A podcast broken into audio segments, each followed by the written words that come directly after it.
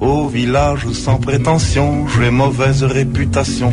Je me démène ou que je reste quoi, je passe pour un je ne sais quoi.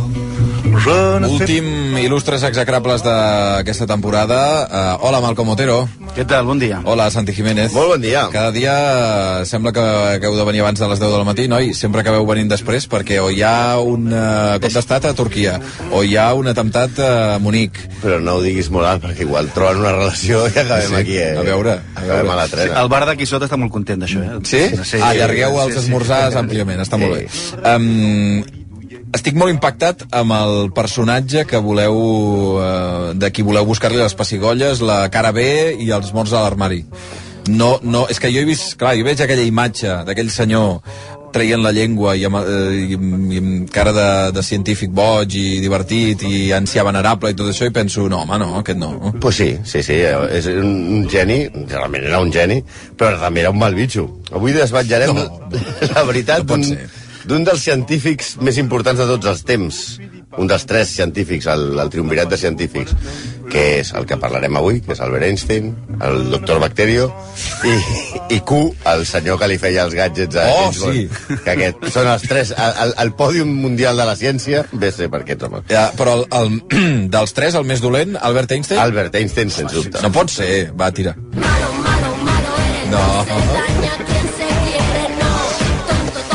Sí, la veritat és que... eh, Però si fa aquella cara, que si... com, a veure, no, no pot tenir res dolent, Sí, Einstein. darrere d'aquesta cara de, de bonàs, d'aquest avi adorable, tan semblant, per cert, a Gepetto, el de Pinocho, Gepeto, un tio també sospitós Sí, sí, això de- de- de- d'intimar amb un nano de fusta que li creixien coses quan deia mentides. Va, home, va.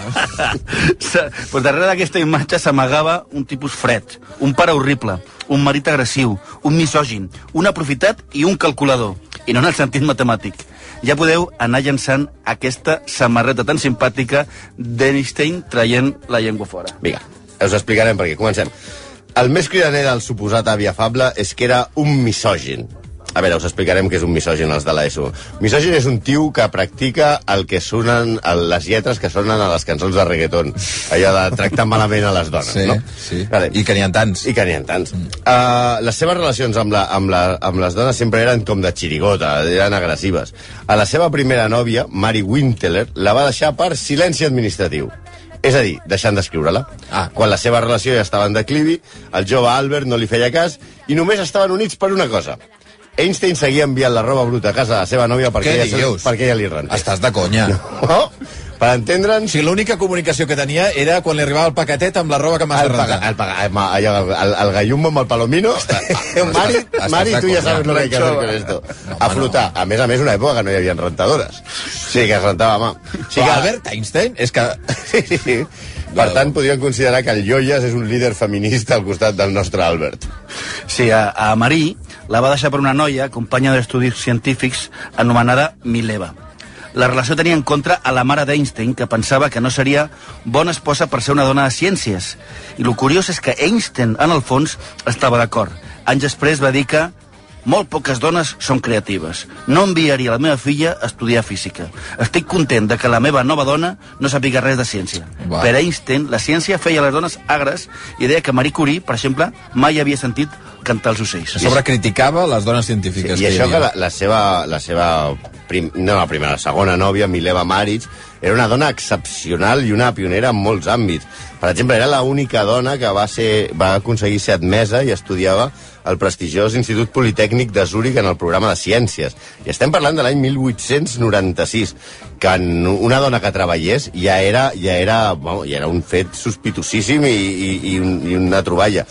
Que, que treballés pagant, vols dir, perquè les dones a casa, vaja... Que treballés en l'àmbit científic. eh? En l'àmbit Correcte, científic. Correcte, correcte. Sí, sí. El 1897, fins i tot, eh, Mileva Maric va ser becada per la Universitat de Heidelberg per anar d'oient a les classes de ciències. I tothom li augurava en aquesta dona sèrbia, nòvia en aquella època d'Einstein, un futur espectacular en el camp de les ciències. Però Però Albert va deixar embarassada a Mileva.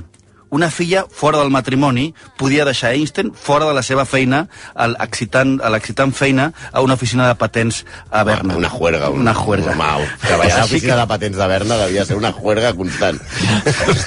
Així que va enviar Mileva a la seva família a Sèrbia per donar llum a una nena que es va dir Lisa. Perdona un moment, com que la seva feina mm, eh, podia perillar, Sí, va perquè dir, realment- nois, agafeu Bé, el, a la mentalitat de l'època tenir una filla fora del matrimoni, Clar. eh, això el feien fora de la feina. Sí. Llavors, Einstein va imposar que no se sabia res d'aquesta filla En nascuda abans de casar-se i, i tot i que el, el, el part gairebé la filla i la, i la mare moren, mai van anar a veure-les i, i Gairebé nena- moren, no, no van morir, dius, eh? No van morir. Ah, d'acord. Però, aquest. Però però, ma- però mai- aquesta nena és un misteri, perquè no se sap si va morir quan era molt petita, hi ha alguns que diu que fa poc, va, va morir fa poc a Novi Sad amb el nom de Sorca Kaufler. O sigui, aquesta noia és un misteri. I, de fet, O sigui, la filla aquesta de fora de matrimoni d'Einstein és un misteri de, De fet, Einstein va la amagar la filla Sí. eh, perquè no el fessin fora de la feina, la va enviar a Sèrbia amb els seus pares a que naixés i, eh, i no s'ha descobert que tenia una filla secreta fins l'any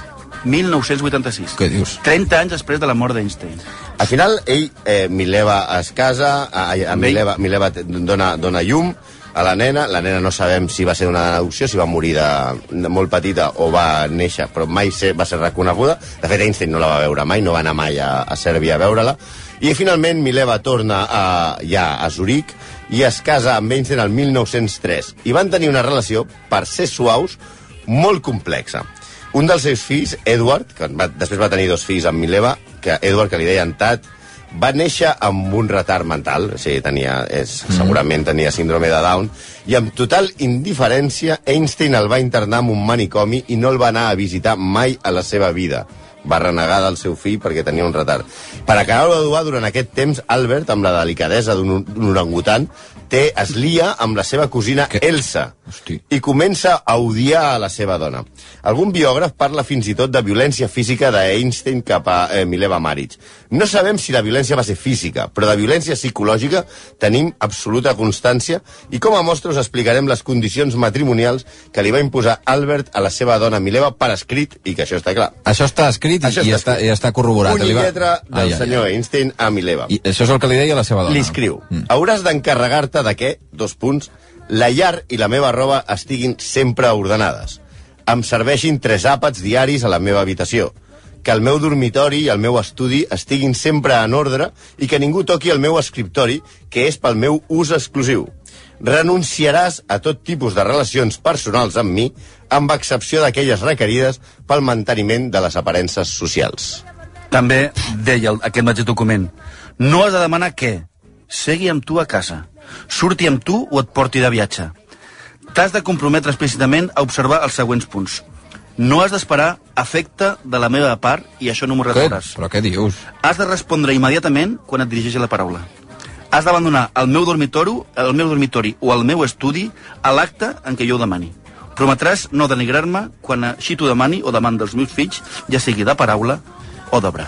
I això, I això ho va signar la Mileva? Sí, al principi ho va signar. Només li va faltar dir eh, aniré a Namíbia a caçar elefants amb la meva amiga especial. Però bueno, això és un altre tema. El... Aquí, y a més a més, no se vayan todavía, que aún hay más. Espera. Einstein, a les cartes que enviava a la seva amant barra cosina, parlava de la seva esposa com és una mena de... Cometes, eh? És una mena de treballadora a la que no puc acomiadar. I tinc el meu propi dormitori i evito trobar-me amb ella a soles. Sí, estem parlant d'una dona que anys abans va, va conquerir Einstein per la seva intel·ligència. No era especialment guapa, Mileva, i era coixa a causa d'una artritis congènita. I a la que anomenava gateta meva. Si Einstein parles català, és gateta meva, Mileva, bueno.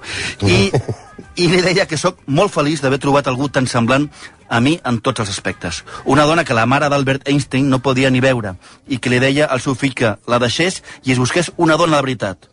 És un llibre, igual que tu. Quan tingui 30 anys, ella serà una bruixa, deia la mare. El Molt bé, la mare també, eh? Sí, la mare- Ajuda- la- la mare era una la perla, mare, també, molt bé. Sí, I el nen, esclar, va seguir els consells de la seva mare, que era una misògina i una xenòfoga, i no va parar fins que el seu nen es va casar amb la filla de la seva germana. Nada te debo, nada me pías. Si fui mala o buena. M'agrada molt aquesta cançó. Home, aquesta, això, un homenatge a Luis Alegre, des d'aquí. El, el, el clar és que és la bien pagat, també, Mileva. Perquè una altra de les polèmiques, a part de torturar-li la vida amb, amb aquest eh, acord matrimonial, Albert Einstein, eh, eh, amb Mileva, molts estudiosos creuen eh, que li atribueixen a Mileva part del mèrit dels primers estudis d'Einstein.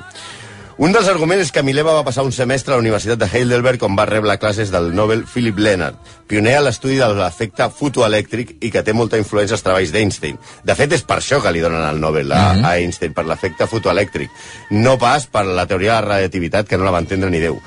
Eh, ella mateixa, eh, a Mileva, va escriure amb una carta Fa poc hem acabat un treball, hem acabat un treball molt important que farà mundialment famós el meu marit. Enteneu, eh? Hem acabat i farà mundialment famós el És meu molt marit. gros, això. També el fet que Einstein li donés... O sigui, Einstein li va donar tots els diners del Premi Nobel a Mileva pot semblar sospitós, perquè en l'acord de divorci eh, Einstein li va donar tots els diners a, Mhm. a Mileva. Potser ho va fer per responsabilitat amb la família, perquè se n'anava amb la cosina, sí, però veient el que hem vist, eh, no semblava que fos molt familiar. Sí, l'acord de divorci, amb un acte de romanticisme sense igual, es va signar el 14 de febrer de l'any 19, el dia dels enamorats. Molt bé. I en ell, Albert li cedia a Mileva els diners del premi que no guanyaria fins 1923. Ah, allà signava, diu, quan Sí, guanyi sí. el Nobel, Sí, te'n torna els sí. calés. Val, val, val. Eh, i, I el guanya 4 anys després, eh? A més de qualsevol altre premi que rebés pels articles que van publicar que van publicar signats conjuntament a la revista Annalen der Physik. Una 1925. revista que tothom té a Sí, casa. i tant. Considerats pels científics l'any miraculós. Pot sí, sí que fa una mica de pudor això de que la Mileva tenia molt a veure amb, el, amb, el, amb els seus estudis. Vaja, que la, la bona era la dona, no? Bueno, com els, els hierro, el bueno era l'hermano, no? Ja, ja, ja. Quan li preguntaven a Milena, que era, Milena era molt bona en càlcul, això sí que es, es, es parla i és reconegut, que Einstein era molt bo en el pensament abstracte i Mileva molt bo en el càlcul matemàtic, que era una disciplina en la que Einstein realment eh, eh, dominava menys. Vull dir, això no, això no vol dir que... Que fos dolent, que, que no evidentment, sapigués sumar, però eh, diguem-ne que ell era la, la el matemàtica creatiu i ella, era la, geni matemàtica. la del paper, la que no? la de posava la les, batalla. les fórmules en, en Correcte. paper, no? Perquè, I aleshores a la Mirella li van preguntar per què no signeu els articles junts? I ella responia, diu, en, en alemany deia Wir sind Einstein, que en alemany vol dir som una roca. Einstein, de fet, jugava amb el cognom d'Einstein, Einstein, una roca. El que no sabia Mileva que l'única roca que de veritat tallava el bacallà allà es deia Albert i no Mileva. Sí, al costat de la seva dona, que de la seva nova dona, Einstein, que com a mínim era jueva i guapa, que era el que li interessava a Pauline, la mare d'Albert Einstein, Einstein va anar als Estats Uni- als Estats Units, però Elsa no era tan llesta com Mileva. De fet, des de que es va separar de Mileva, Einstein no va fer cap avanç significatiu en les seves investigacions. Oh, Curiós, eh? Bona Sí, aquesta. va estar 30 anys fent conferències explicant la teoria de la relativitat. I a Si tot el que havia fet amb la seva dona va ser, el, el que va li que va fer donar una, la fama, una sortida brutal de, de una, tres teories a l'any. I a partir es d'aquí- separa de Mileva, se'n va amb Elsa i es passa 30 anys sense... Xerrant. Sí, fent... Home, realment ja havia fet prou, eh? També, No, no, també, però... Eh, Cuidado, tampoc, tampoc anem a dir, va, Albert, vaya mierda, tio, no? No, no, no, home, no. Hi ha un altre tema delicat. Einstein va ser pacifista, o tenim la imatge aquesta de pacifista, i va advocar per la fi dels arsenals nuclears militars. Va parlar de la responsabilitat i de la culpa que sentia per ser un dels pares de l'energia atòmica. Sí, senyor. Però sempre hi ha un però. Va escriure al president Roosevelt l'any 39 una carta. Aquest home amb les cartes fot la pota bastant, eh? Ai. A la carta, eh, Einstein li deia al president Roosevelt aquest nou fenomen podria ser utilitzat per la construcció de bombes i és concebible, penso que inevitable, que poden ser construïdes bombes d'un nou tipus extremadament poderoses. Una sola bomba d'aquest tipus, portada per un vaixell i explotada en un port, podria molt bé destruir un port completament, conjuntament amb el territori que l'envolta. O sigui, l'autor del barco bomba és Einstein. O en una altra parada. Donava idees. En, en, en vista d'aquesta situació, vostè, es refereix al president, podria considerar que és desitjable tenir algun tipus de contacte permanent entre l'administració i el grup de físics que estan treballant en reaccions en cadena als Estats Units. I acabava la carta dient que tenia indicis que els alemanys estaven a la mateixa operació. La realitat és que Alemanya no va usar mai la bomba atòmica, tot i que tenia, eh, estava treballant la via Von Braun, i que, la va, i que la va utilitzar als Estats Units, a Hiro, i la va utilitzar als Estats Units a Hiroshima i a Nagasaki, que es va, la van fer servir el 1945 contra els japonesos. Però això, no oblidem, els nazis ja s'havien rendit i els japonesos no tenien tecnologia per res per construir la bomba atòmica. És a dir, el llançament de la bomba atòmica amb un port, curiosament, Hiroshima, no, no donava... Sí. La victòria, és a dir, no canviava... No canviava res, i la guerra coses. estava Sí, decidida. accelerava, però. Aquesta carta, aquesta carta eh, Einstein la va considerar amb els anys l'errada moral més gran de la seva vida. Molts diuen que va prendre aquesta determinació conscient del que feien els nazis als jueus, tot i, tot i que, per si faltava alguna cosa per completar el quadre, també va tenir un passat en el que no estava massa compromès en els seus. De fet, l'any 1933 es queixava de que temo a tots aquests cervellets jueus expulsats d'Alemanya. Sí. Que això ho digui un jueu intel·ligent veient el que començava a dir i a fer Adolf Hitler amb els jueus és preocupant. Però és que Einstein mai va tenir molt clar els preceptes polítics. De fet, anys després, mentre ja vivia als Estats Units, en plena Guerra Freda, eh, va tenir... Aquest home li perdia també una mica la bragueta. Va tenir sis amants reconegudes i una d'elles, una de la que més estimava ell, es deia Margarita. Ell mai va sospitar que era una espia de la Unió Soviètica. Sí o no? Sí. Era un espia? Sí. Brutal. 8 minuts i dos quarts, ho té tot, eh? Ho té tot Albert Einstein. Uh, 8 minuts i dos quarts d'onze del, del matí. Uh, Malcom Otero, Santi Jiménez, moltíssimes gràcies, un plaer aquesta temporada. Disfruteu de les vacances. Ai, sí, quines ganes. A no ser que Uh, tinguis un especial aquí a la No, això pot ser, pot ser perfectament. Uh, de seguida els pantalleros, vinga. Tout le monde viendra me voir. Dia lliure amb Xavi Bundó. Les aveugles, bien entendu,